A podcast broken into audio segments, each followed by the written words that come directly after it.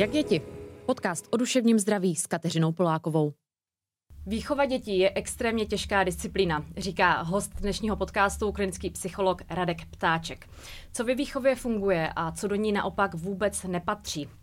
V České republice se stále značná část rodičů uchyluje k fyzickým trestům. Jakákoliv forma násilí má přitom devastující vliv na dětskou psychiku. Jaké to má tedy důsledky a jak řešit některé těžké situace, jako je třeba rozvod rodičů? Na to se dnes budu ptát. Dobrý den, pane profesore, děkuji, že jste přijal pozvání sem do podcastu. Dobrý den, já děkuji za pozvání. Vy vždycky říkáte, že nejdůležitější pro dítě je kvalitní vztah. Když se díváte na současné rodiče, čím ten vztah nejčastěji nabouráváme? Co vás napadne na první dobrou? Tak možná, že se o ten vztah nestaráme a že ho bereme samozřejmý, jako samozřejmý. To je asi ten největší problém, protože každý vztah, ať už je to vztah s partnerem, s dítětem zvláště, je něco, o co se musíme starat.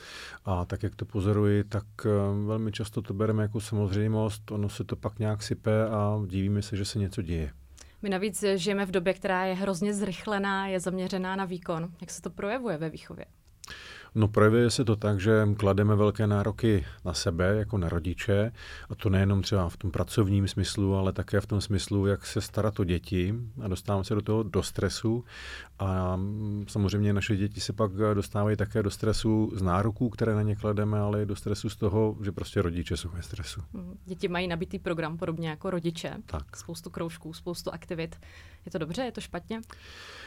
Tak já si myslím, že děti potřebují být v určitém zápřahu, to je jednoznačné, protože to dětství je o vývoji a během toho vývoje děti potřebují získávat spoustu vědomostí, znalostí, zkušeností. Nicméně dětství je také o tom, aby ho děti prožili, aby se na něj pamatovali, že to bylo relativně hezké období, protože zatímco třeba některé školy nebo vzdělání můžete dohonit eh, v průběhu v podstatě celého svého života, tak to dětství už nikdy nevrátíte. A to by si celá řada rodičů, které, kteří mají velké nároky na své děti, měli uvědomit, protože já se setkávám ve své praxi s tím, že a rodiče chtějí, aby děti chodili na výběrové školy, aby zvládali dva kroužky, umělecký, sportovní, do toho se učili jazyky a mnoho dětí tak nemá jediný volný den během týdne a o víkendu se ještě doučuje nebo jezdí na zápasy. Rodiče mají pocit, že tomu dítěti plní dětství ale to dítě potřebuje taky někdy bloumat, mít volný čas, nic nedělat a třeba jen tak koukat z okna. Hmm, proč právě to nic nedělání je tak důležité pro ten uh, dětský vývoj? Ano, nic nedělání je důležité úplně pro všechny, protože a žijeme v takové té výkonnostní představě, že když chodíme do posilovny, když se něco učíme, takže to je ta chvíle, kdy se v nás něco mění. Ale ono se v nás něco mění tehdy, když odpočíváme. To znamená, svaly rostou tehdy, když odpočívají. A vědomosti se budují, když spíme nebo když eh, odpočíváme.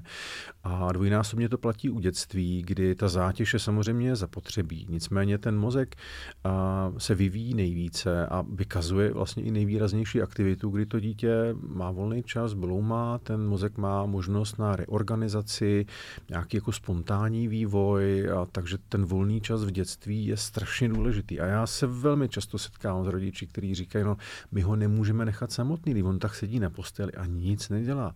A rodiče by si měli uvědomit, že to je možná to nejdůležitější, co se v tom dětství děje. Hmm, jaký by tedy měl být poměr mezi tou aktivitou a tady tím nic neděláním?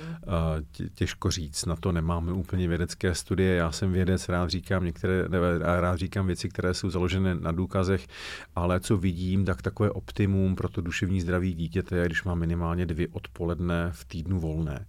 A tři dny nechcou nějaké kroužky, nechtě vytížené, ale i v tom vytíženém dni, aby to nemělo být tak, že to dítě před 8 odejde do školy a někdy ještě v 8 dopisuje úkoly. To je prostě z hlediska fyziologie špatně a rozhodně žádnému vývoji vzdělání nepomůže, ba naopak přispívá snížené stresové odolnosti, stresové zátěži obecně a vlastně může působit i proti vzdělávání. Takže je to otázka otázka i organizace těch zatížených dní. Hmm. Děti zkrátka potřebují nějakou volnost, nějaký no, čas jenom pro sebe, tak jako ano. my vš- i všichni dospělí. Všichni.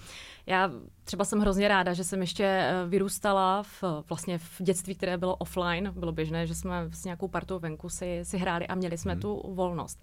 Ale teď si říkám, když eh, mě někdy teď zamrzí, že teď už to tak není. Je to jenom taková nějaká nostalgie, která je běžnou součástí té mezigenerační výměny. Nebo jsou skutečně ty děti o něco ochuzené v tom dnešním částečně i digitálním světě? Je to jiné. Musíme se podívat na to, že lidstvo a zvláště společnost se nějakým způsobem vyvíjí a ta nová generace vždy přichází o něco, co měla ta minulá generace. Takže a třeba současní rodiče neměli to, co jejich rodiče žili už v jiném světě, kde třeba byla televize, byla větší kontrola. Naše děti se narodily do jiného světa, kde ten svět je prostě jiný. A samozřejmě z toho našeho pohledu jsou ochuzené o to, že neběhají venku, že nenavazují vztahy běžným způsobem, že jsou v jistém smyslu svázání sociálními sítěmi a informačními technologiemi, jenže takový je svět.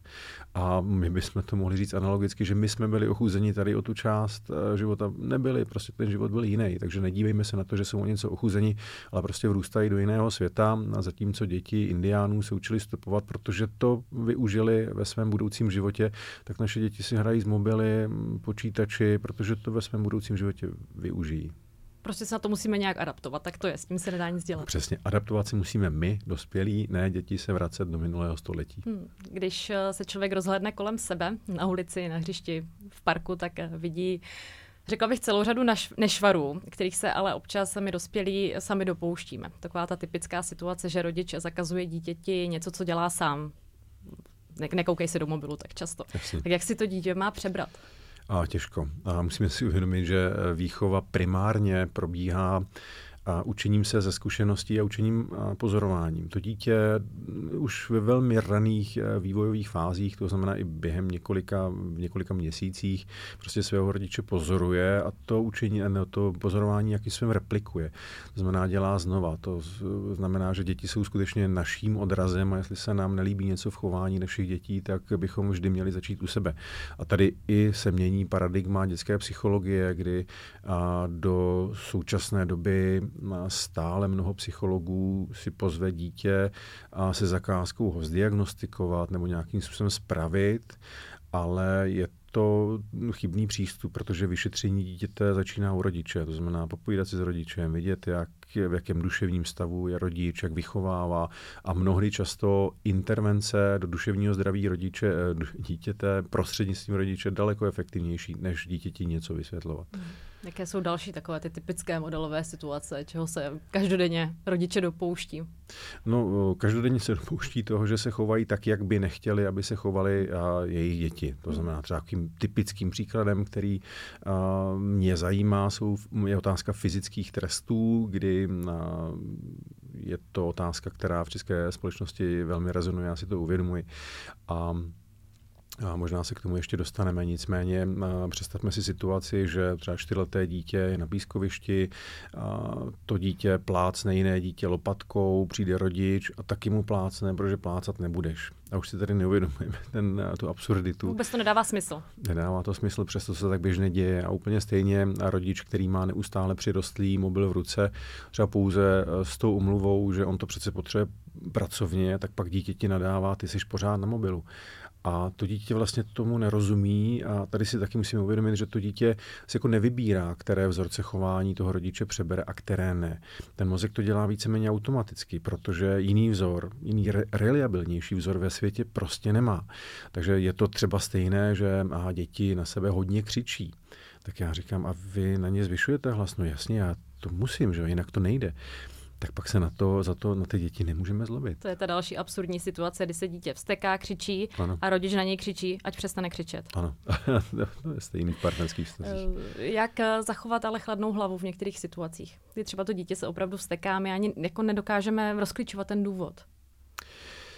A tak jít eh, do buddhistického kláštera a trénovat zen to samozřejmě může málo kdo z rodičů, ale je to úplně stejné jakožto v běžných mezilidských vztazích. A kvalita mezilidských vztahů je do značné míry závislá na tom, jak se dovedeme dobře regulovat jako lidi.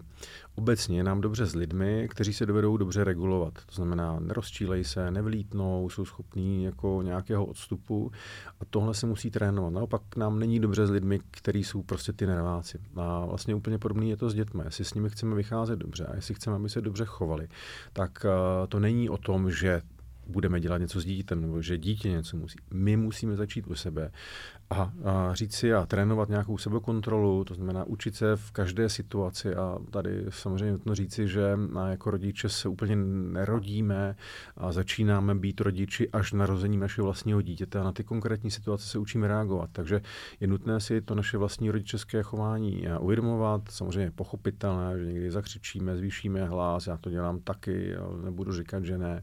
A taky jsem někdy strašně naštvaný, a, ale důležitý je ten odstup, říct si, hele, neměl jsem to, není to dobrý, pak třeba jít za těma dětma, říct, hele, ujeli mi nervy, protože tady to, budu se příště snažit, abych eh, zase už na vás nekřičel, ani mě to není příjemný. Přiznat chybu, to dítě asi hodně ocení, když to umí ten dospělý. No, jednoznačně. A, a tohle si myslím, že je zase důležitý zdroj učení, protože celá řada rodičů řekne, no já mu přece neříkám, že dělám chyby, teď já jsem jako rodič, jo?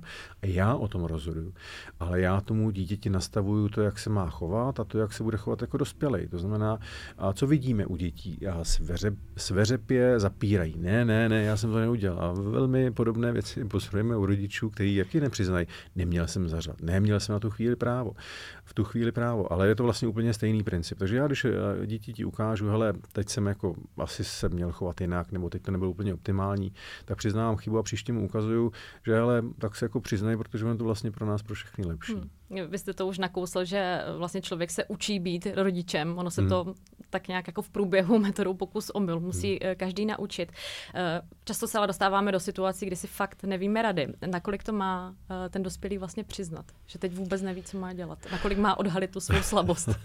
tak já si myslím, že prostě přiznat v tu danou chvíli, jak to je, že vlastně o nic nejde. A když eh, řešíte něco s dítětem a řeknete, já prostě už fakt nevím, co dělat.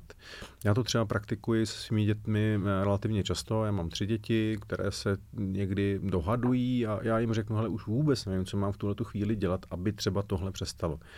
A ty děti jako zbystří a třeba to nějakým způsobem zafunguje. Vy jste už také mluvil o, o, o tom tématu fyzických trestů. Nedávno jste vedl výzkum, který se zaměřil právě na fyzické tresty. Vy jste publikovali eh, ty výsledky letos eh, na začátku léta a ty výsledky jsou teda dost alarmující. Ukázalo se, že víc než eh, třetina českých rodičů považuje v nějakou formu hmm. fyzických trestů za běžnou součást výchovy.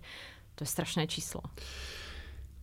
Je to strašné číslo, je to otázka našeho sociokulturního dědictví za poslední století nebo půl století.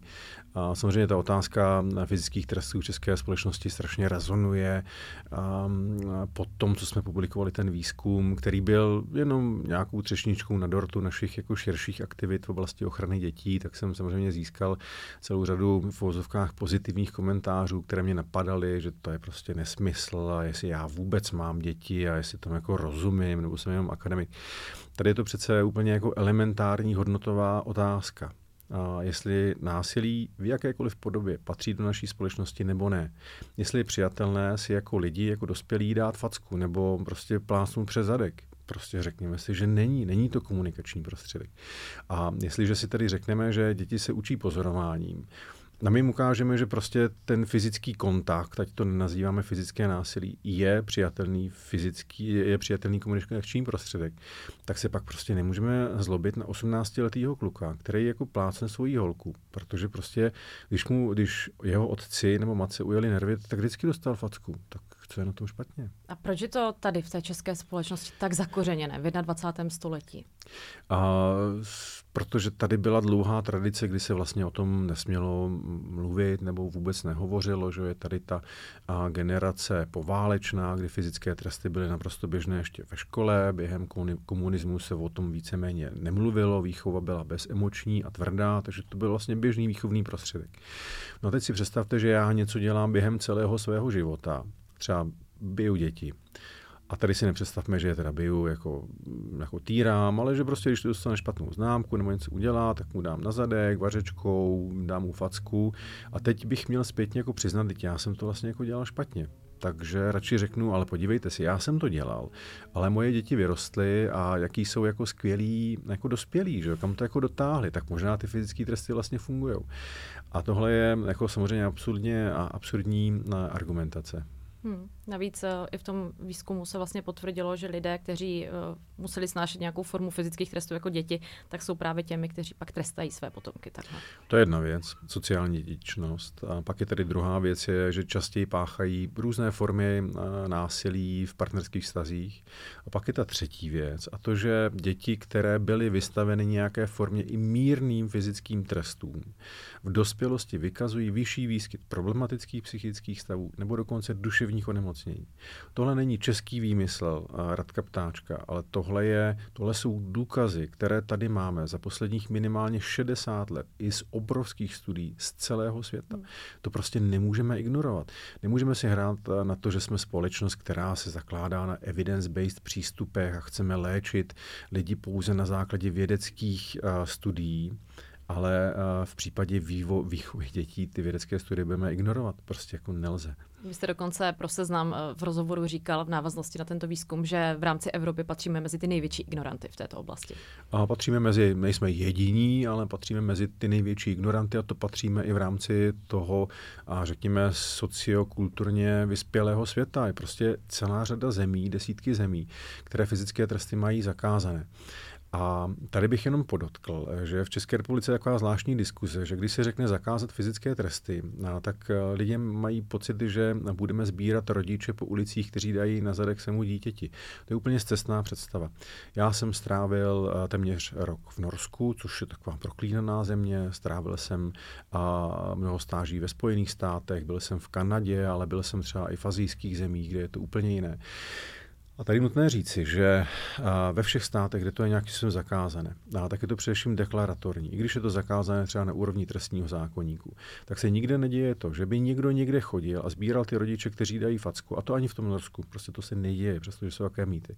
A na ty rodiče nějakým způsobem persekuoval. Je to jednak vyjádření hodnoty a naší společnosti. A je to podobné, nebo v současné době ten návrh je, že se to ustanoví v občanském zákonníku, a že fyzické tresty na dětech nejsou přijatelné. To je novela, která se teď projednává. Ostatně Česká republika se k tomuto zavázala už v roce 2007 a stále to nemáme. Správně.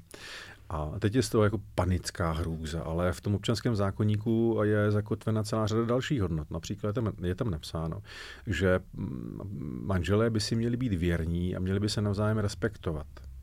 Nikdo nechodí a nezjišťuje, jestli někdo je věrný nebo nevěrný a neposílá ho do vězení. Je to vyjádření hodnot naší společnosti, takže nic jiného. Ale ta symbolická rovina asi může mít potom reálný dopad. No je kritická, protože mm, společnost stojí na hodnotách, které jsou nějakým způsobem deklarovány. Pojďme se ještě podívat na ty opravdu konkrétní dopady toho násilí v rodinách nebo i třeba nějakých drobnějších fyzických trestů, protože jakákoliv forma násilí je nepřijatelná. Kdybychom to měli rozdělit na to, jak se to promítne u toho dítěte už v tom dětském věku a jak ho to potom bude formovat v dospělosti. Já bych uh, jenom začal u té definice, protože když se řekne slovo násilí, tak většina lidí si představí, že to je už ta krajní varianta, kde to dítě jako vyloženě týráno, přivazováno k topení nebo byto nějakým obuškem.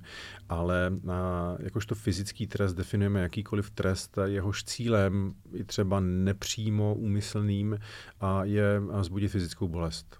Tečka. A je velmi často doprovázeno a pocitem ponížení. A tím pocitem ještě rozlišíme tu situaci, kdy si třeba rodič hraje se svým dítětem a já nevím, na babu a teď jako plácne a to dítě to bolí, tak to není fyzický trest, že ten úmysl tam není a nevede to k ponížení. Tak bychom si řekli. A v této definice, v definici je tedy i plácnutí přes zadek, kdy si řeknu, to dítě nedělá, co má, jsem třeba v nějaké nouzové situaci, jak to dítě plácnu a chci mu vybudit bolest, abych to chování zastavil. Takže to je, to je fyzický trest.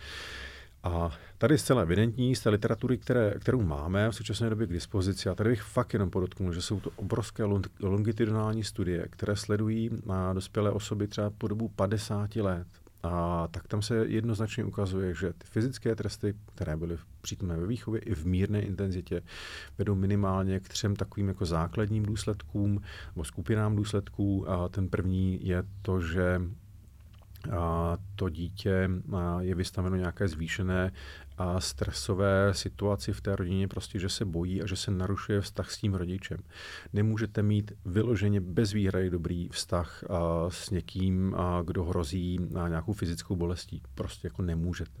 Dítě sice může milovat i velmi týrajícího rodiče, říkáme tomu identifikace s agresorem, ale není to zdravý vztah. vztah. Dítě se nás nesmí bát, dítě nás má respektovat, ale nebát se. Takže to je první, že to dítě může reagovat nějakým způsobem stresově. Samozřejmě, když je to pak systematicky, dlouhodobě nebo pravidelně, tak to dítě může už propadat do nějakých problematických psychických stavů, což se třeba promítá na sníženém výkonu ve škole a problémech se spánkem a celé řadě dalších kaskád problémů, ale už se to může demonstrovat v nějakých psychosomatických problémech a nebo dokonce rozvoji tzv. úzkostně depresivní symptomatologie, což už je tedy nějaká forma duševní poruchy. To jsou všem úplně kritické případy. To se nestane ve většině případů, kde dítě dostane sem tam na zadek. To není katastrofální, aby se toho rodiče nemuseli bát a to, to se nestane. A v těch případech, kdy to je, jak říkají někteří rodiče, s láskou, a tak tam maximálně dojde, aniž by si toho byli vědomi k narušení toho vzájemného vztahu. V dospělosti, pak, když to fyzické trestání nebylo určité intenzity během dětství, pak ty osoby skutečně vykazují vyšší výskyt eh, problematických, minimálně problematických psychologických nebo psychických stavů. Podle těch statistik i úzkostně depresivních poruch. A pak ta třetí skupina prostě mají tu tendenci replikovat, ať už se svým partnerem, anebo opět na svých dětech. A my prostě chceme ten řetězec násilí zastavit a začít vychovávat bez hmm. násilí. Ono vlastně to dítě, když je vystaveno dlouhodobému stresu, tak ono to ovlivňuje jeho schopnost zvládat ten stres potom později v životě. Přesně, přesně. A vlastně ten dlouhodobý stres, anebo i ten krátkodobý stres a vybudí a specifické struktury v mozku, vyplaví specifické látky, které ten mozek ovlivňují, a zvyšují jeho citlivost na stres a to prostě nechceme. Takže nechceme vychovávat děti prostřednictvím strachu. Ono v tom výzkumu je značná část těch lidí, kteří vám odpovídali, eh, vlastně říkala, že si uvědomují, že to není jako hmm. vhodná forma trestu, ale že se dostanou do situací, kdy si myslí, že už jim nic jiného nezbývá. Proč myslíte, že pak eh, dojdou až k tomu nějakému jako opravdu fyzickému trestu a neskusí něco jiného? Proč mají pocit, že nic jiného nefunguje? Tak uh, protože nic jiného jako neznají, a protože ten fyzický trest, nebo jeden kolega uvádí fyzické vedení, což považuje za zvláště absurdní termín, protože prostě trest je trest a bolest je bolest, tak to fyzické vedení mají pocit, že v tu chvíli a, jakoby bude fungovat nejlépe. A ilustrují to třeba v přírodě, že když udělá něco, já nevím, malý lev, tak matka ho taky plásne prackou a řekne, vlastně je to normální. Ale tady je to vlastně takový jako velmi absurdní příměr, prostě my se nemůžeme srovnávat ze zvířaty, že něco dělají zvířata, tak budou dělat také, také lidé. Prostě to je nesmysl.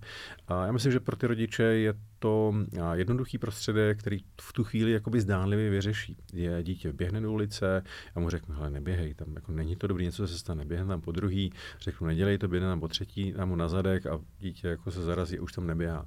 A tohle nám poskytne jakoby takový empirický důkaz, že ten fyzický dres vlastně funguje.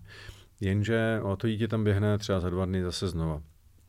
A jestliže používáme nějaké výchovné prostředky, jsme tedy v 21. století, tak bychom se měli tázat, co od těch výchovných prostředků chceme. Výchovný prostředek je nějaký prostředek, který formuje chování dítěte a to chování dítěte se skládá z vzorců, které chceme posilovat a které chceme nechceme, aby se vyskytovaly. A jestliže určité chování chceme posilovat, tak eh, to posílíme nejlépe pozitivním zpevněním, to znamená, říkáme, jo, tohle je jako skvělý. A to se neděje z okamžiku na okamžik. A my na, velmi často na to zapomínáme a když vidím výchovu na ulicích, ve školách, ale tak jako to mluví rodiče, tak častěji jakoby trestají to, co jako nemá být, to nežádoucí chování a zapomínají na pozitivní zpevnění toho žádoucího chování. By přesně naopak. A negativní spevňování nežádoucího chování, znamená trestat to nežádoucí chování a ve většině případů nepovede k tomu výsledku, který chceme. Ale spevňování žádoucího uh, chování, ano, takže chválit i za maličkosti. A rodiče se ptají za co. A když on pořád jako něco dělá, je třeba hyperaktivní, ADHD a tak dále, říkám, vybírejte malý okamžiky, kdy můžete říct, teď se mi líbí, jak třeba tuhle vteřinu jako sedíš a koukáš, to je paráda. A dítě ti dodá něco, čemu se říká dopamin, strašně příjemný pocit, zúznění s rodičem a ten, když to dítě nevědomě, tak ten mozek to bude chtít znovu opakovat. Hmm. A kdybychom se vrátili třeba k té situaci s tím vbíhání do silnice, když eh, vlastně to dítě, eh, i přesto, že několikrát jsme ho upozornili, tam vběhne znova, tak eh, kdybychom tady to, to, to pozitivní spevňování, jak to nazýváte, měli aplikovat na tuhle konkrétní situaci, tak jak by to vypadalo? Ono, jako velmi těžko řešit jednu konkrétní situaci, která už je vždycky výslednicí jako řady trajektorií. Jo? To, že tam dítě jako vběhá, není otázka té situace tady a teď, ale je otázka toho, jak jsem pracoval s tím dítětem do posud.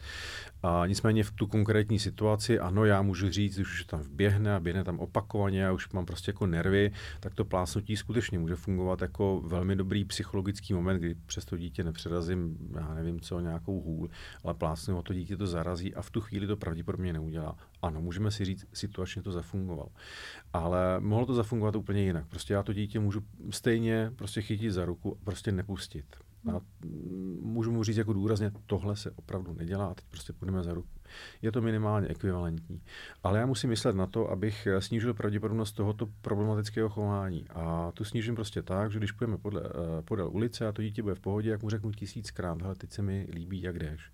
Co bys neměl udělat? Prostě mluvit s tím dítětem i o scénáři, které můžou eventuálně nastat a to prostě pomůže, aby to dítě se chovalo tak, jak chceme. Hmm. A je to možná problém také v tom, že uh, lidé eh, někdy nechápou, že ta výchova je nějaký proces a chtějí těch výsledků dosáhnout hned. Tak a tohle je znakem jako naší doby, že chceme ty výsledky okamžitě.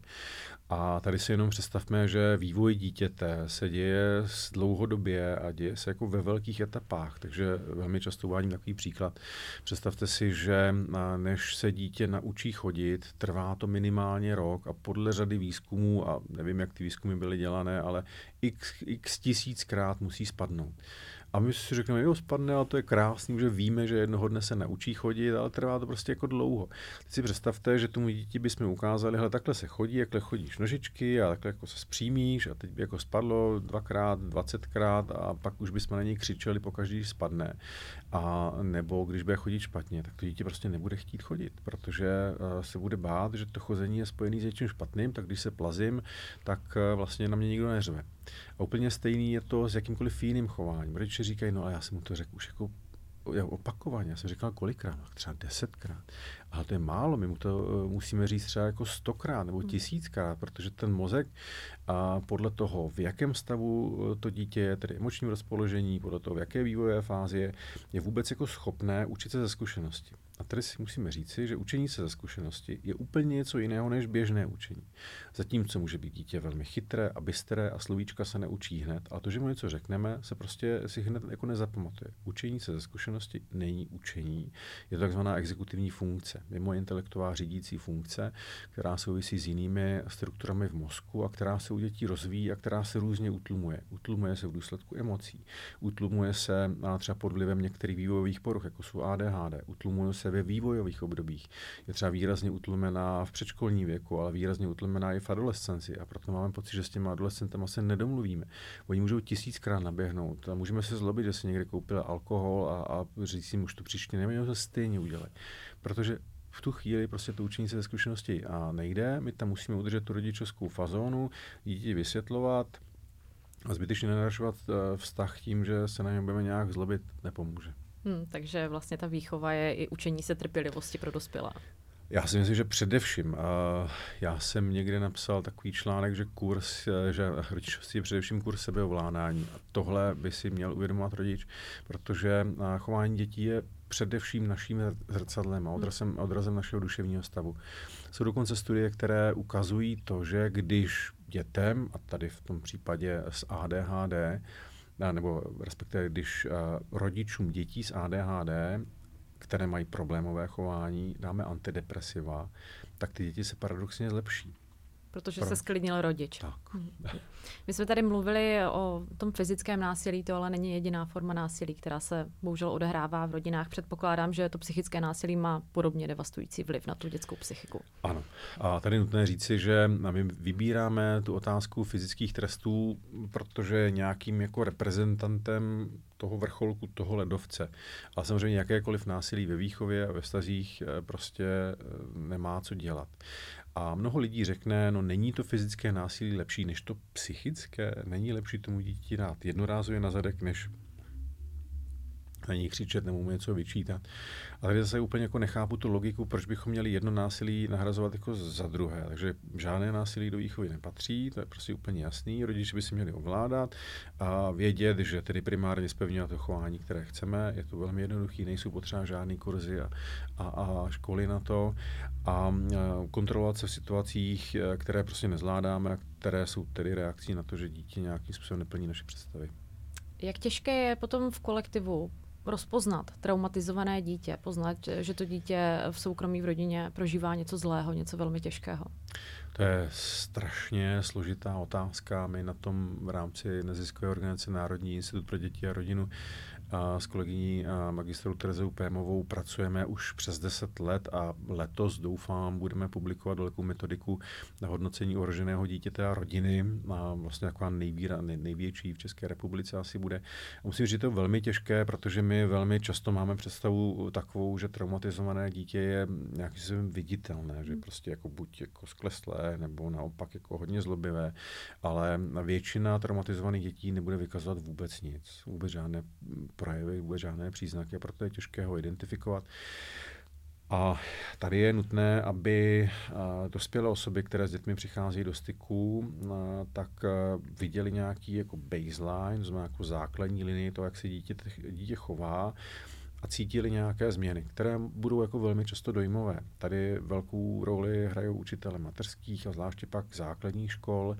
A byť si o sobě myslí, že nejsou odborníci na, na dětské chování, tak si myslím, že jsou to jedni z největších eh, odborníků na dětské chování, že to tyto dítě vidějí a po většinu roku, často i několik let, takže tady je důležité, abychom uh, učitelům poskytli kompetence jak to, že se jim třeba to dítě nezdá a jaký se to řešit, protože často to není objektivizovatelné a často je to prostě jenom dojem.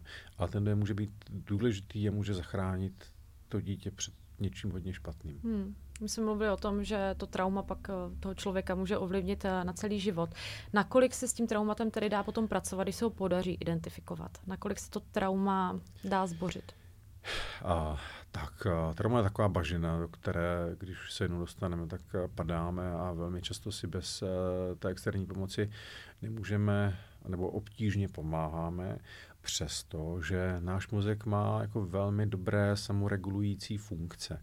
A to zvláště v dětství. Takže když eh, toho člověka z té bažiny vytáhneme, dostaneme z té nepříjemné situace, ať už třeba tak, že když je vyloženě patologická rodina, a tak to dítě z té rodiny třeba na chvíli odvedeme, anebo těm rodičům pomůžeme zvládnout to problematické chování, takže se ta půda stabilizuje pod nohama, tak eh, pak náš mozek když se dostane do bezpečí, je schopen velmi dobře, dobré autoregulace a trauma zvládnout sám. V dětství, zvláště tehdy, když má takzvaně podpůrný vztah, to znamená, když má někoho, koho má opravdu hodně rád, tedy nejčastěji rodiče. Ten podpůrný vztah je základní prevencí traumatu, ale i základní léčbou traumatu. Nic lepšího jsme doposud nevymysleli. No pak, když to dítě přesto vykazuje nějaké symptomy, tak a naštěstí už tady máme zahraničí spoustu metod, které jsou centrovány kolem takzvaného um, porozumění traumatu nebo a přístup a založení na porozumění traumatu. To jsou velmi jednoduché principy, jakým způsobem zacházet s lidmi, o kterých si myslíme nebo víme, že nějakou, nějaké trauma prožili a tyhle postupy fungují, nemusíme vymýšlet žádné složité terapie a když řeknu, tak být na ty lidi milí, zohledňovat to, to, že vybuchnou, není důsledkem toho, že by si chtěli chovat špatně, ale může být důsledkem toho, že prožili něco špatného a tak to prostě brát. Hmm, dá se říct, kdy se ty napáchané škody opravují nejhůř. Já jsem poslouchala jednu z vašich přednášek, vy jste mluvil o tom, že hlavně v těch prvních dvou letech života, kdy se vlastně vyvíjí 50% mozku, když tam hmm. není ta, ta, ta důvěra, ten pocit toho bezpečí, toho rodiče, nebo zkrátka někoho, kdo pečuje hmm. dobře o to dítě, že to se už napravuje právě velmi špatně. Ano, a mozek je nesmírně důmyslený orgán a lze v něm napravit eh, spoustu věcí.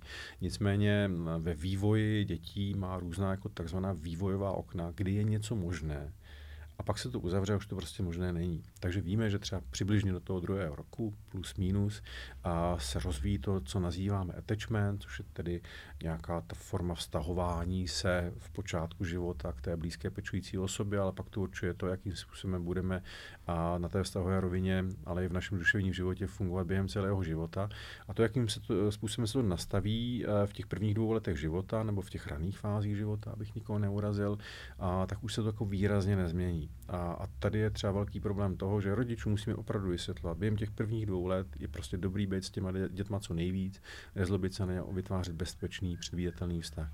Musíme tady říct, že umístěvat děti do kojeneckých ústavů minimálně do dvou let je prostě absolutně fatální chyba, která ty děti ovlivňuje, ať se to komu uh, líbí nebo nelíbí, a na celý život drasticky a ovlivňuje celou společnost, protože tady je ta sociální dědičnost, takže je daleko výhodnější dávat děti do těch přechodných pěstounských péčí, a než je trápit v ústavech. Takže uh, ano, a v těch raných fázích se to velmi špatně a velmi špatně napravuje.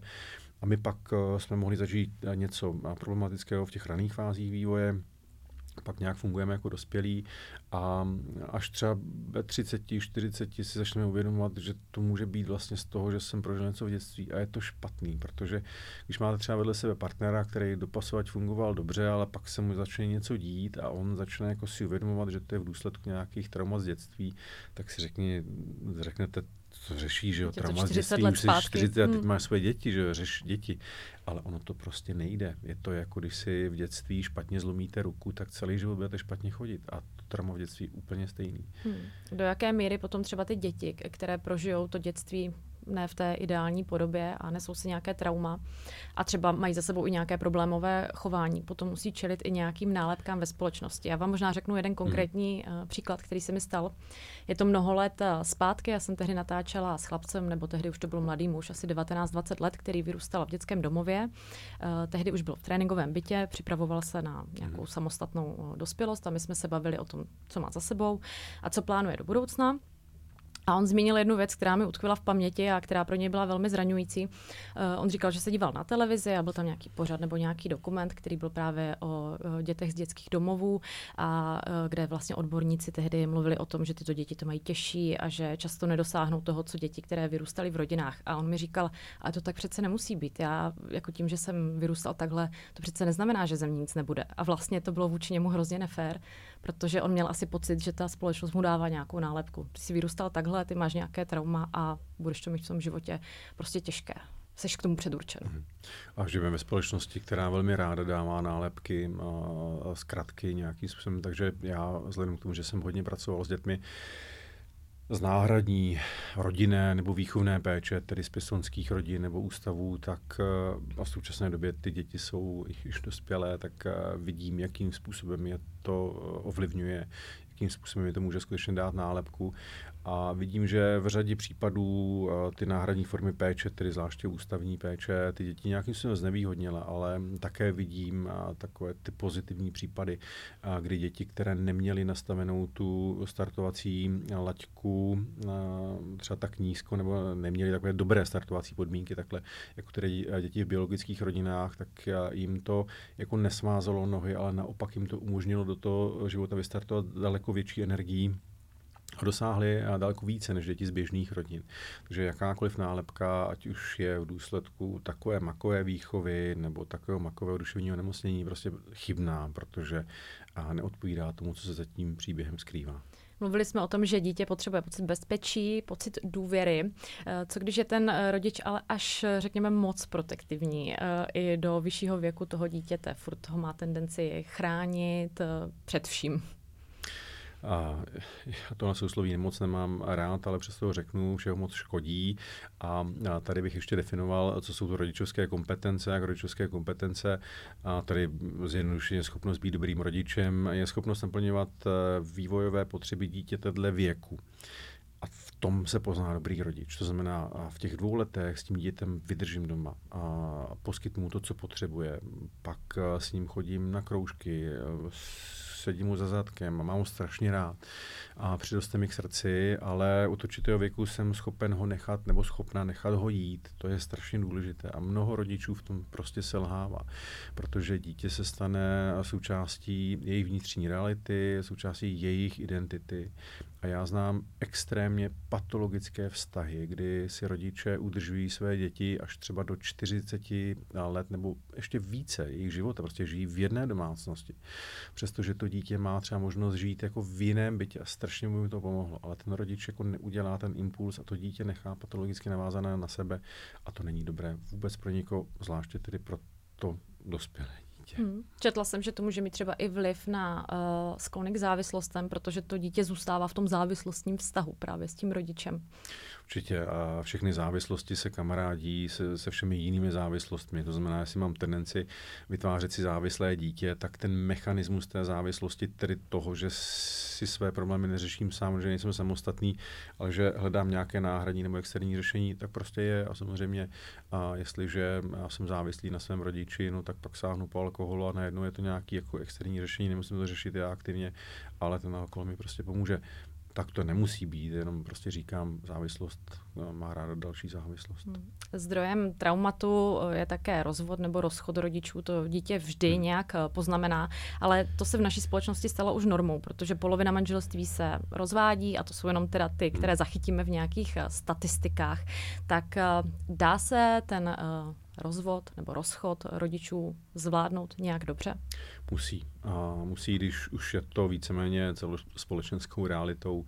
A samozřejmě vždycky je lepší, a tady se mnou zase řada kolegů jistě nebude souhlasit, když se ti rodiče pak, to je aspoň trošku možné a podaří to, pokusí tu rodinu nějakým způsobem a, udržet. Tedy za předpokladu, že jsou schopni dobře fungovat, že jsou schopni a, dávat jako dobré vzory. Kdyby to mělo být za cenu toho, že to je domácnost, kde se nemluví a kde lidi na sebe koukají špatně, jenom kvůli tomu byli s dětma, tak to radši ať spolu nejsou.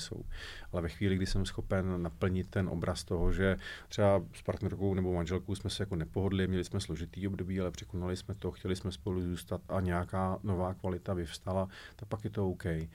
A ten ideální rozvod je prostě takový, kde rodiče překonají své vzájemné antipatie, které jsou tam velmi často a jsou si schopni uvědomit, že děti potřebují fungující rodiče, i když třeba nejsou spolu a tedy jsou schopni se domlouvat a těm dětem zase vytvořit nějaký vzor, hele, nemusíme si rozumět, ale máme vás rádi a kvůli vám si budeme dohadovat. To je asi to ideální, hmm. byť velmi těžké. Jenomže ty rodiče často jednají ve velmi vyostřených uh, emocích a potom tím trpí nejvíc to dítě. A to je pravda. Rozvod je v životě dospělého člověka a v řadě případů takým nejtěžším momentem, který vůbec může zažít. Protože jestliže jste s někým několik let, dlouhých let, 5, 7, 10, 15.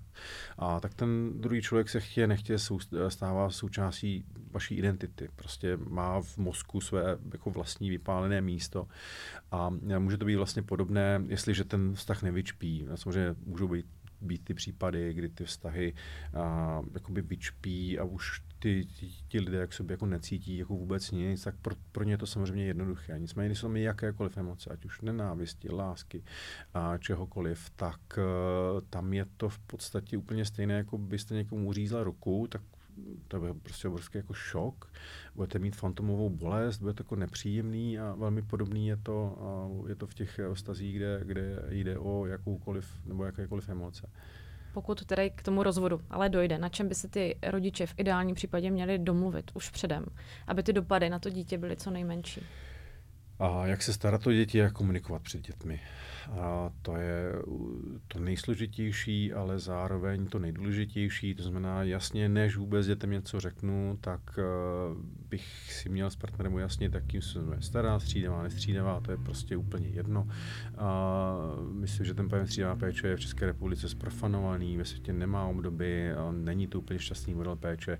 A my zase s Terezou Pémovou jsme vytvořili takový nový model, k kterému snad taky vyjde knížka, který se jmenuje Sdílené rodičovství, kde ta myšlenka je, že to dítě potřebuje oba dva rodiče stejně dostupné, ale to, jestli to bude 7 na 7 nebo prostě v jiném modelu, už je prostě úplně jedno. Že tady je tendence stanovit vždycky přesný počet dní, jak se to bude střídat. Tři dny u maminky, tři dny u tatínka, ale to asi není úplně ta ideální situace. To, to, jako, to, no, to neodráží kvalitu toho vztahu tak, k těm eh, rodičům. Tady jako řekněme, že soudy potřebují něco, jako, o co se mohou opřít, co bude jako jasně dané. A často si to zjednoduší tak, že teda řeknou týden tam, týden jako o nám, ano, opravdu to stěhování jako úplně jako není dobrý. A tady zase na svět zná něco jako jsou rodičovské plány, což je jako velmi detailní popis toho, jakým způsobem ty rodiče se budou starat o to dítě po rozpadu rodiny. A nechtě to tak, že to je vlastně jako určitá forma střídavý péče, že nějaký dny bydlí tam, nějaký onam. Ale třeba to zohledňuje to, že to dítě si už třeba přeje a mít prostě nějakého jeden domov, a tak je to jako OK. Ale to, co je jako důležitější, zase nutno říci, než jako jeden domov, je kvalitní vztah s oběma rodiči. To prostě nic nenahradí. Hmm. Vy jste už zmínil uh, ten projekt nebo tu iniciativu hmm. sdílené rodičovství, hmm. jehož jste autorem, tak jak se daří ho uplatňovat v praxi? Jak to funguje v praxi? A spoluautorem. Spoluautorem. Díky za upřesnění. Autorkou, nebo abych řekl, hlavní autorkou je Terezie Pémová. A daří se, protože uh, je to vzdělávací projekt, uh, je to vlastně ta myšlenka je, a že tím nejdůležitějším, co je potřeba v situaci rozpadu rodiny, je ty rodiče informovat o tom, co se děje, co se bude dít, co se děje s dítětem a co je pro dítě, pro dítě dobré. Takže to takzvaná edukace. A ta nám tady chyběla. A v současné době se podařilo, že to sdílené rodičovství se používá již v několika okresech České republiky a akceptují ho soudy a dokonce se dostalo do několika rozhodnutí ústavního soudu, kde vyloženě tento pojem byl pojmenovaný. Takže já doufám, že se daří. Já bych řekl, že to není zdaleka jediný koncept, který je jako správný. Je to jedna z možných cest a já budu velmi šťastný, když se od nás budou jiní inspirovat a nazvou to třeba jinak, nebo se jako nenazve. Není to nic, kde bychom měli copyright. Je to jenom základní myšlenka, že děti potřebují oba dva rodiče, a rodiče se musí domlouvat a rodiče předtím, než se začnou rozcházet, by měli být vzděláni. Hmm. Jak vypadá ale ta realita v České republice teď mimo tyto koncepty zatím? A já bych řekl, že se zlepšuje, a protože v té oblasti působím již 20 let, no přes 20 let a mám pocit, že více a více odborníků, jsou sociální pracovníci, psychologové, ale i soudci, kde jako vnímám velký posun a se opravdu jako hodně snaží to nějakým se měnit. Takže já nemůžu říct, že by se to jako změnilo ze dne na den a na všech úrovních. Stále setká, se setkáme s odborníky v různých úrovních systémů, kteří mají rádi zastaralé pořádky a, a kteří představují žáby na prameni ale oproti tomu, co tady bylo, myslím, že jako velký posun a vnímám spoustu lidí a ani bych je tady nevyjmenoval, a kteří tu situaci posouvají jako výrazně ve svých oborech. České republice dnes už eh, většina lidí, aspoň podle, podle posledních průzkumů, podporuje manželství pro všechny. Přesto je to zatím velmi politické téma a ta politická vůle eh, tam prosadit tady moc není, nebo aspoň není tedy jednoznačná. A takové ty konzervativní proudy hodně používají uh, termín tradiční rodina. Odkazují se na tradiční rodinu. Já se přiznám, že moc nevím, co si po tím má představit, protože když se podívám do minulosti, tak tam nějaká jako romantická představa rodiny asi moc nebyla a v té moderní době se zase všichni rozvádí, rozchází. Tak jak vy vnímáte, když eh, tím veřejným prostorem eh, zaznívá tady ten termín tradiční rodina? Já sdílím s vámi ten názor a už jsem to taky před uh, několika lety publikoval, že vlastně vůbec nevím, co je to tradiční rodina. Tím samozřejmě jako někoho hodně naštvu a, a vím, že to bude předmětem řady komentářů. Nicméně jako podívejme se tady do minulosti, do jako těch minulých staletí, kde tradiční rodina, ano, byla muž, bylo dítě, ale byl to zároveň vztah, kde bylo běžné týrat ženu, bylo běžné týrat dítě, žena se prostě nemohla ozvat. A jestli tohle je tradiční rodina, takovou prostě rodinu nechci. Práva dítěte neexistovaly. neexistovaly. Takže já se ptám, jako kde byla ta tradiční rodina. Já to samozřejmě, já to chápu. A je to nějaká taková idealizovaná představa křesťanské rodinky, kde si všichni mají rádi, je tam muž, žena, a je tam jako několik dětí, všichni se milují a všechno je dobrý. Ale to tady prostě nikdy nebylo. A kde vidíme tradiční rodinu a v historii, v historii lidského rodu? Teď to byly, byla různá společenství, kde možná někdo ani nevěděl, čí to dítě je, děti děti byly vychovávány jenom ženami, a někde v celé tlupě a pak tedy bylo to krátké období, kdy byla jakoby ta tradiční rodina, ale která vůbec nevypadala hezky.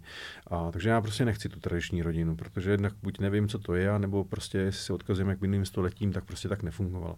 Já myslím, že jako naprosto správné to, že se dostáváme do nějaké emancipace v tom nejširším smyslu slova, a kdy říkáme ano, prostě všichni jsou si nějakým způsobem rovni, a protože jsme prostě všichni lidi, tak uh, tady máme nějaký pojem manželství, který jako co si znamená a pro mě znamená více trvalý svazek dvou partnerů, kteří mají nějaký svůj jako životní cíl, než uh, pojem, který je vázán jako nábožensky.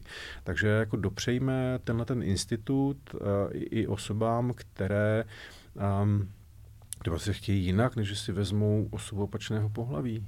Mm-hmm. Takže vlastně stejnopohlavní uh, páry nebo heterosexuální páry, v tom nevidíte vy rozdíl, jestli vychovávají dítě, je tam uh, důležitý ten vztah k těm oběma rodičům, to, o čem tady mluvíme celou ten dobu. alfa, omega, to je tedy jako ten další, ten vyšší level, protože nejdřív si řekneme, že tedy těm stejnopohlavním párům umožníme to, aby uh, se tedy v tom trvalém svazku mohli nazývat manželé, což si myslím, že pro mě není jako vůbec žádný problém, protože to je čistě pojem. Uvědomíme si, že to je pojem, za kterým ale stojí i teda nějaké právní souvislosti, které jsou možná stejně důležité pro ty lidi, že po sobě můžou děti, budou mít uh, vdovský důchod, ale že ten pojem, že jsme prostě jako manželé, je to vlastně jako hezký, že jo? Člověk touží po trvalném vztahu, uh, který nějaký jsem posvěcený, tak jim to prostě pomožme.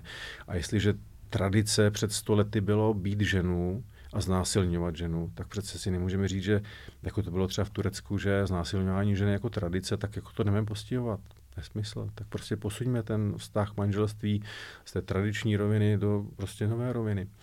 To jako jedna věc. A druhá věc je, tedy měli by mít pohlavní páry a mít možnost vychovávat děti, tak zase nutno říct, že oni všude dávno vychovávají, jenom prostě v šedé zóně. A my to jako nevidíme. A ty mechanismy, jak si ty děti obstarávají, jsou jako různé.